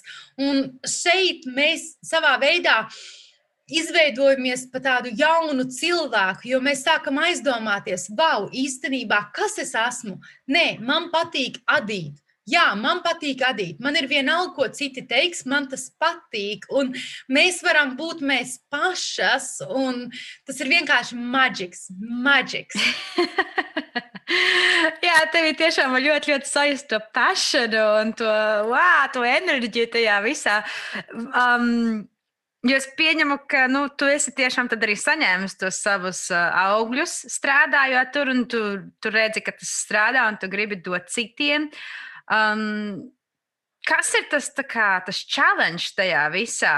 Uh, es nezinu, tā kā. Jā, varbūt stereotipi, stereotipiski cilvēki, uh, vai ne visi tā kā varbūt grib tos produktus no sākuma pirkt, gan jau visiem ir tāds, nē, tu man par velti kaut kā atsūti, tur tā un šitā. Ja? Um, ir kaut kādi, nezinu, ieteikumi jaunajiem uzsācējiem, kā, kā uzsākt un kā varbūt um, pārdot cilvēkam kaut ko, kas tā kā, ko viņš nekad nav izbaudījis, uzņēmis. Neatlaidība. Neatlaidība ir vislielākais, laikam, um, noslēpums, un esi apmācāms. Esi apmācāms, jo ļoti bieži mūsu ego uh, Uh, un ir tāds teiciens, ego is not my amigo. Uh, yeah. nav mans draugs. Un es viennozīmīgi varu pateikt, ka man pagājušajā gadā mans ego bija bijis pa daudz, un man pat pa, man bija jāstrādā ar savu ego. Es sapratu, ka tīkla mārketingā un īstenībā jebkurā dzīves sfērā mēs vienkārši visu laiku jāmācās. Tu nekad nebūsi tas masters, tu nekad nebūsi skolotājs. Tev ir vienkārši jāpaliek skolniekam visu, visu dzīvi. Jo, ja mēs mm. padomājam, mēs skolā gājām cik tur tos gadus, 12 vai cik kā, nu kurš. Un mēs visu laiku mācījāmies un attīstījāmies. Un pēkšņi mums paliek 18 gadi, un viss. Mēs beidzam mācīties. Ja mēs neejam uz universitāti, mēs dabūjam, teiksim, darbu, veikalā, oficiālā, bankā, vienalga kur. Mm -hmm. Mēs tagad strādājam. Un mums pēkšņi liekas, ka īstenībā mums vairs nav jāmācās. Jā, ja tev liekas, ka tu iemācījies, jau visu savu dzīvi mācījies. Jā. jā, jā, bet īstenībā tagad es šeit sapratu to, ka visu dzīvi mums ir jāturpina mācīties. Bet tīkla mārketingā es viennozīmīgi visiem pateiktu to, ka ne, neapstājies un mācies, mācies. Esi apkārt cilvēkiem, kas tevi iedvesmo, jo mēs paliksim naturāli tādi, kādi mums ir apkārt cilvēki. Tātad, ja mums apkārt ir negatīvi cilvēki, vienalga, cik mēs esam pozitīvs, mēs būsim negatīvais. Mēs būsim tas trešais, ceturtais, piektais negatīvais cilvēks. Es ļoti nomainīju vidi kādi cilvēki man ir apkārt. Tas man numur viens palīdzēja. Es sāku strādāt ar sevi un kādā veidā tas ir motivācijas. YouTube mēs varam atrast informāciju pavelti. Nav jāmaksā. Mēs, Mr. Google ir mans labākais draugs. Visu Google var atrast motivācijas. Teiksim, ja mums trūkst sevis konfidence, YouTube ierakstam self-confidence, noklausāmies. Šobrīd uh, ir viena latviešu sieviete, kuru man ļoti uzrunā. Viņa ir motivācijas coach, mm. Liene Urina. Fantastiska, vienkārši wow. Instagramā paskaties, viņa ir. Kāds vienkārši... vārds uzvārds, jo tu tikko biji noraustījies? Ar... Liene Urina. Urina. Ah, okay fantastiska sieviete. Šobrīd viņa ir Kiprā ar ģimeni. Viņa ir vienkārši super. Viņa pie Tonija Robins ir mācījusies. Viņa ah. ir tik iedvesmojošs, un viņa vēlās uzrunāt arī latviešu sievietes, noticēt sev. Eh, viņa vairāk ir motivācijas coach, viņa iedziļinās sevis ticēšanā, kāpēc mēs sasniedzam mērķus, kāpēc nē, bet viņa ir fantastiska. Viņa man arī ļoti, ļoti uzrunājusi, un īstenībā eh, meklējot un skatoties, man agrāk likās, ka mums latviešiem nav tādas lietas kā motivācijas, sevis ticēšana, bet īstenībā ir, kad mēs ieskatāmies. Es sāku ar Toniju Robins, ar Lesu. Les Brown, Jim Rohn. Tie bija mani tādi trīs cilvēki apkārt. Es pamodos no rīta, hops, Tonija Robins man skan, pa dienu hops, Les Browns. Man likās, ka es ar šiem cilvēkiem esmu apkārt. Es viņus pilnībā izjūtu. Yeah. Vēl tikai mācīties, bet arī darīt.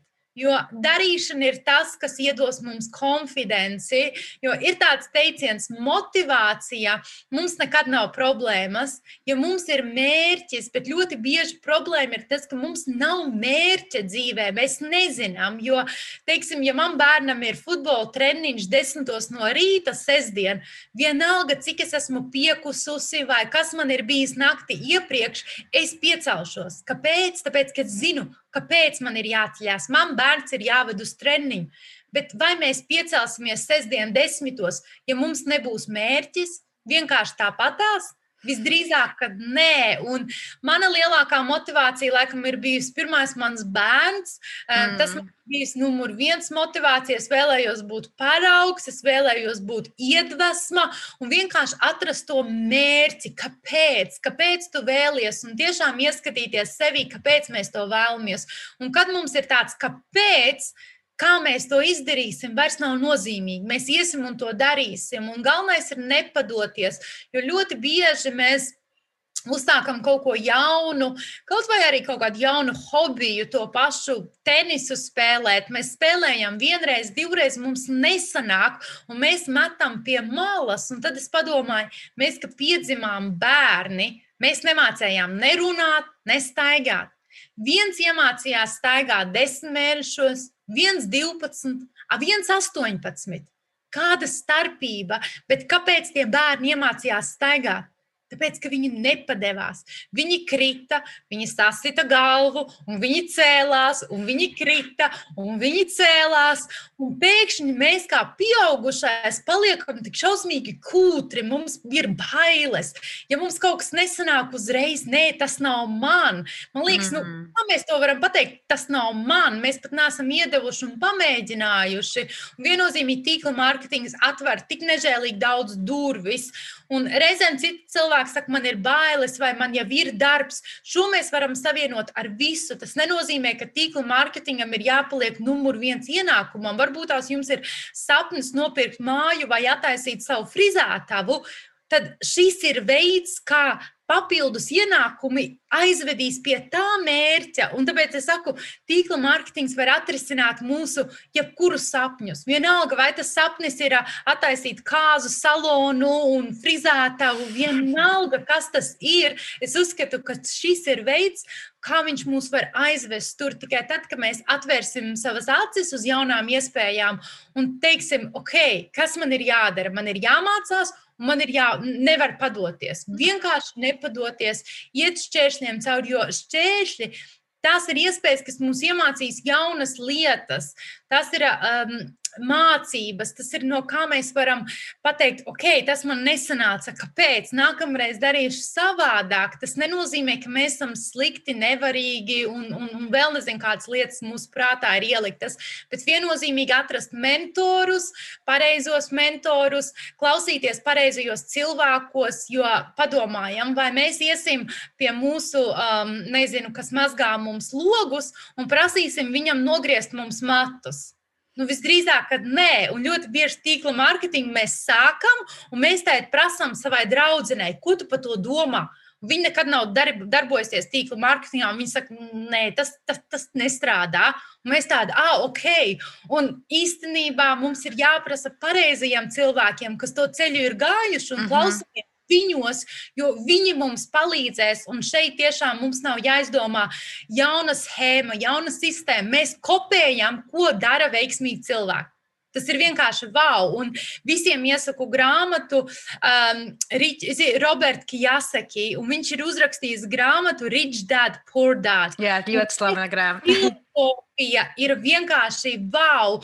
Es pat nesen, eh, divas dienas atpakaļ, klausījos podkāstu Erika Vore ar viņu, tur bija tāds baiglabais teiciens, skolā mūs iemācīja to, ka um, corporation, teiksim, sadarboties ar kādu uh, bērnu ir slikti, teiksim, kopēt uh, mājas darbu no mana blakus sēdētāja ir slikti. Mm -hmm. Bet īstenībā, īstajā dzīvē Tas ir labi un ir nepieciešams. Arī, ja tu vēlies izveidot savu biznesu, tev vajadzēs akcountantu, tev vajadzēs grāmatvedi, tev vajadzēs cilvēks, kas tev deliverijas atvedīs, tev vajadzēs sadarboties ar ļoti daudziem cilvēkiem, jo tu pats reāli nevari to viens izdarīt. Mm. Tieši es saku, tīkla mārketings ir tas veids, kur mēs sadarbojamies viens ar otru, un mums nav jādomā, mums nav jāizdomā sistēma, mums nav jāražo produkti. Mēs vienkārši ejam un darām, ejam un darām, ejam un darām. Jā, tīkla mārketinga es ieteiktu viennozīmīgi visiem, bet mācieties, mācieties. Informācija ir internetā vienkārši pārpildīta. Jā. Daudz, jā. Man ir uh, mentors pašai Freizers Brooks, ar kuru es strādāju gandrīz gadu, kas vienkārši ir izmainījis manu biznesu, uh, manu domāšanu, palīdzējis man augt, uh, būt labākai santai, vienkārši būt labākai līderei un viennozīmīgs ieteikt visiem, lai ir mentors, jo, kad mēs paskatāmies, mm. veiksmīgi cilvēkiem ir visvairāk mentori. Viņiem ir mentori runāšanai, dziedāšanai, domāšanai, gulēšanai. Viņiem ir mentori visam, visam, arī mūsu sportistiem. Paskatāmies, viņiem ir treneri. Vienalga, cik viņš ir labs, viņiem ir vajadzīgs, kas viņu vēl labāk var uztaisīt, mm -hmm. vēl vēl mhm. viennozīmīgi mentori, mentori un mācīties. Informācijas ir nežēlīgi daudz internetā, tikai vajag atrast um, to sev, kas mūs uzrunās, jo mēs visi esam individuāli. Ne jau visus uzrunās Les Browns vai Tonija Robins, bet mm -hmm. ir taču vēl nežēlīgi daudz cilvēki. Oh, jā. um, mēs varam pamēģināt un, un, un paskatīties, jā, tas man uzrunā. Mm -hmm. Oh, es vēl ekstrēmu teikt, klausīties vienkārši mūžīgi.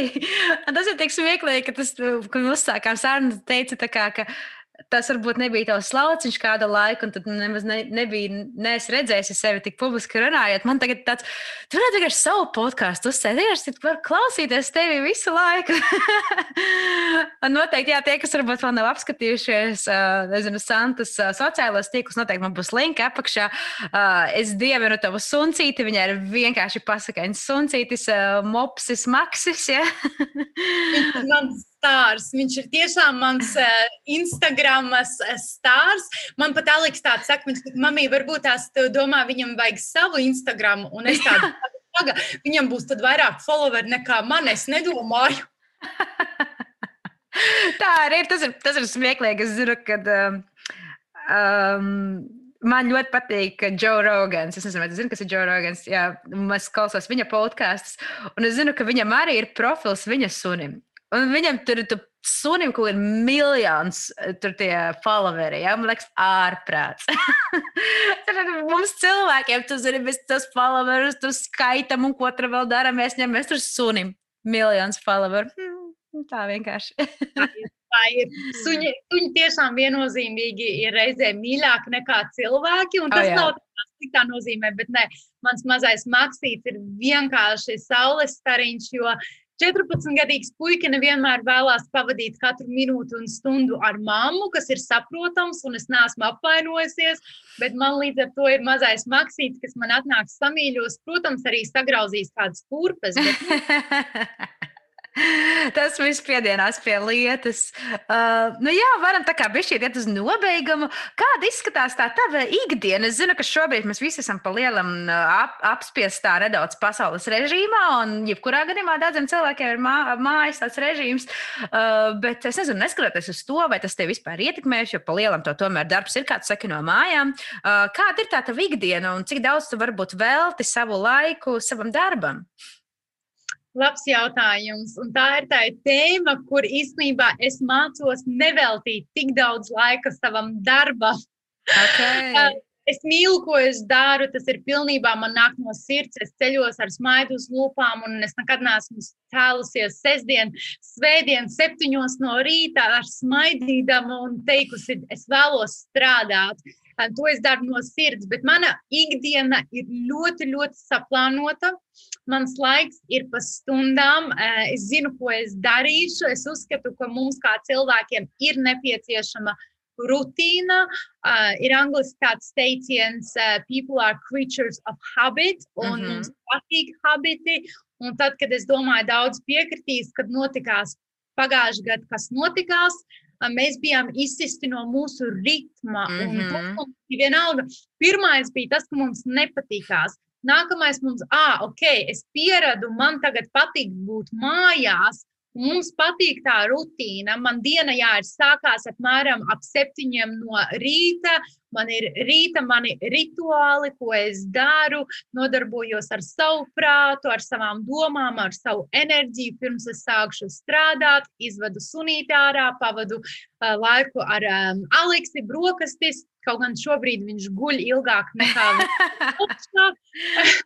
Teenagers. Jā, jā, jā, jā, viņam ir sagriezusies diena ar nakti. No, nu jā, uh, gaisā, bet jā, es jau šodien teicu, ka Aleks, šodien sestdien, sestdienās mēs vienmēr pavadām vakarus kopā. Oh. Mēs skatāmies Netflix, mēs tikko beidzām skatīties ļoti interesantu Netflix uh, sērijas. Un es zinu, ka tas ir tāds controversial. Es nezinu, yeah. vai daudz piekritīs, bet mēs skatījāmies Sex Education. Oh, jā, jā, jā, dzirdēju. Jā, esmu ļoti grafiska. Um, grafiska programma. Teiksim, bet viņa ir tāda funny. Viņa ir tipa grafiska, bet tas nav tā, ka tu ne, nevari skatīties viņu ar bērnu kopā. Bet tajā pašā laikā rēcīgi, ka tu skaties kopā ar savu bērnu. Jā, bet ļoti pamācoši īstenībā ieteiktu visiem. Tur ļoti daudzas uh, tēmas bija. Um, tādas, kas man likās, ir jārunā un labi ka par to runā šādā veidā, uh, televizorā. Tiešām ļoti interesanti. Jā, bet sestdienās mēs vienmēr pavadām laiku kopā, bet viņš visu nakti ir bijis augšā. Tā kā es nezinu, kā mums būs šodien sestdienā. Nē, mana pārējā diena ir tiešām notiekās strādājot. Tajā pašā laikā es ļoti daudz laiku mēģinu veltīt arī sev, gan savai garīgajai pasaulē, lasot grāmatas, klausoties podkāstus, fiziskās aktivitātes, pastaigas parkā, ēst, taisīt. Man šausmīgi patīk taisīt, ēst, man nepatīk mājkārtot, bet ēst gan es varu taisīt. Bet mana diena ir ļoti lielā struktūrā. Tas nav tāds haoss. Es teikšu, ka man dzīvē vispār hausa nav savā veidā. Man viss ir struktūra, struktūra. Un reizēm es zinu, ka īstenībā strādājot no mājām, varbūt tās man vajadzētu vairāk ieplānot tās brīvās dienas, jo mēs varam ieiet tādā rutīnā, ka mēs strādājam visu laiku, bet ļoti svarīgi ir ieplānot tos laikus, ka mēs neko nedarīsim. Un, oh, yeah. man ir tāds šī gada uzdevums ieplānot labāk savu laiku, kad es tiešām arī iedodu sev vairāk laika, jo es saprotu, ka man savā katliņā ir jāielai tikpat daudz, cik es vēlos ieliet citos katliņos. Un īstenībā parūpēties par sevi tas nav selfish, bet tas ir ļoti, ļoti nepieciešams. Un reizēm mēs sevi noliekam otrajā plānā. Mēs dēļ citiem darīsim vairāk nekā dēļ sevis. Mm. Bet nē, mhm. rutīna ir ļoti, ļoti saplānota. Es zinu, ko es darīšu nākamnedēļ, pēc stundām, pa dienām. Man tas palīdz funkcionēt. Man liekas, sevišķi cilvēki, kas ir mājās, ir nepieciešama rutīna vēl vairāk nekā oh, yeah. Darbu, jo tas mūs savā veidā ietur grožos, arī liekas, nezinu, iedodam laiku sev. Man pat ir ieplānots laiks, kad es sēžu un skrūlēju sociālos tīklus. Um, jo tad man nav sirdsapziņas pārmetumu. Tas ir ļoti labs habits, un es par to arī domāju. Es esmu uzlikusi sev limitu, lai tie sociālās tīklos neesmu par daudz, jo tur ar tas laiks, protams, aizlido, un tas nav arī labi. Bet uh, es tieši iedomājos, ka mm, vajag man ierakstīt plānotajā, vai tagad būs pusstunda vai 40 minūtes sociālajiem mēdījiem. Jo savādāk tu visu katru dienu kaut ko tur, zini, ik pēc piecām minūtēm, jau nu nē, bet ik pēc 15 minūtēm tu visu laiku to telefonu atver, un tas laiks tur vienkārši aizlido. Jā, tā ir ļoti laba ideja. Bet jā, dienas ļoti, ļoti strukturētas, ļoti saplānotas. Un īstenībā reizēm ir cits man saka, vai tu varētu vienkārši tā iesaisties lidmašīnā vai aizbraukt uz lidostu un nezināt, kur tu brauc. Tādu nē, tas man ir lielākais, laikam, tāds pārdzīvojums būtu, ja es nezinātu, kas notiekās un kā es neesmu pārāk freak. Jā, īstenībā savā veidā tas ir tāds tiešām ļoti liels control freak, bet um, es zinu, ka es vēlos, es pat šogad esmu ierakstījis savā plānotājā, ka man būs arī attiecības, arī tas ir jāieraksta un jāsaplāno, jo pagājušajā gadā īstenībā ārprāts man pat blakus šeit augšā stāv. Tas bija man pagājušā gada plāns, un viens no maniem mērķiem bija uzrakstīts Three of Us. Un es uzrakstīju trījus, un es biju tā domājusi, kad man atnāks tas husbands, ja mans yeah. draugs, un man atnāca maksīts.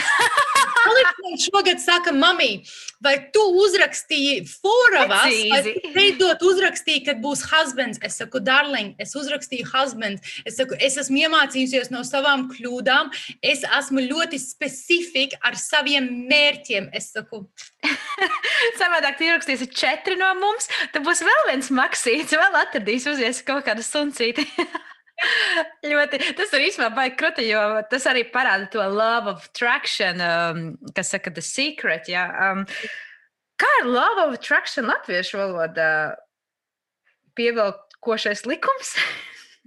Man īstenībā bija prezentācijas, iztulkoja visus to. Um, Pievilcības. Latviešu valodā. Jā. jā, jā, jā, tas man bija iztulkots, jo es tieši taisīju meitenēm par to prezentāciju. Jā. Uh, uh, Love Association, biedrības likums, ah. ar pavadām laiku. Man bija tieši tie trīs punkti, par kuriem mēs izgājām cauri. Bet tā ir visu, ko mēs domājam, mēs piepildīsimies. Un man liekas, tajā momentā, kad mēs saprotam, ka mūsu domas realizējās, mēs nedomāsim nevienu sliktu domu, jo viss piepildās. Es, saku, es biju pagājušajā gadā sarakstījusi šitos savus sapņus, un uh, 80% viss piepildījās. Wow. Viss piepildījās. Man bija tāds, wow, un šogad, kad es rakstīju, es rakstīju tiešām husband, ja nevis tēti.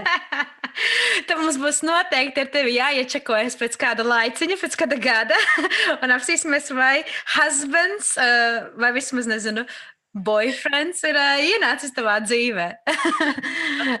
Bet tas, tas ir super. Man liekas, ka tas tik iedvesmojoši. Man liekas, jā, vairāk sievietēm tā vajadzētu domāt un, un darīt. Jo Brīnumi notiek, bet brīnumi notiek, ja tu viņus tiešām vēlies un pēc viņiem ej un gribi. Un man liekas, kaut vai tas pirmais uzdevums, ka tu to uzraksti, tas ļoti daudz nostrādā. Ja viens ir tas, ka mēs savā galvā tā domājam, domājam, bet es vienmēr arī esmu sapratis to, ka tāpēc man ir mājās entās klades visādas no visādiem gadiem. Es saprotu, cik tur tam kladēm jau esi apaugusi, bet viņas ir vajadzīgas. Man patīk tur kaut ko uzrakstīt. Pat vakar bija veikalā vēl vienu jaunu reklāmu nopirkt. visu, es rakstu, rakstu visu, es rakstu katrā treniņa zūmā, katrā um, informācija, ko es uzņemu, visa, visa tiek uzrakstīta, un tad es vēlāk viņu eju un pārstrādāju. Bet jā, visu mums ir jāraksta, jo mūsu domas Viņās ir tik nežēlīgi, mums katru dienu tur ir miljoniem domas, mēs taču nevaram mhm. visu tā izdomāt, bet viennozīmīgi rakstīt, rakstīt, rakstīt un tiešām padomāt, ko mēs īsti dzīvē vēlamies. Jo bieži īstenībā mēs paši pat nezinām, ko mēs vēlamies. Tad liekas, kā tad universums mums atnesīs, ko mēs vēlamies, ja mēs paši pat nezinām. Mm. Tā kā es viennozīmīgi zinu, ko es vēlos.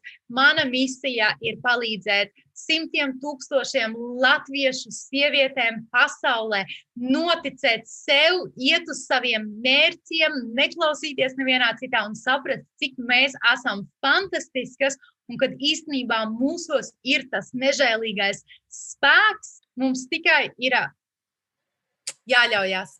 Jā, Oh, cik skaisti vārdi, bet mazliet tā arī jābeidz. Tagad prezidenta saruna.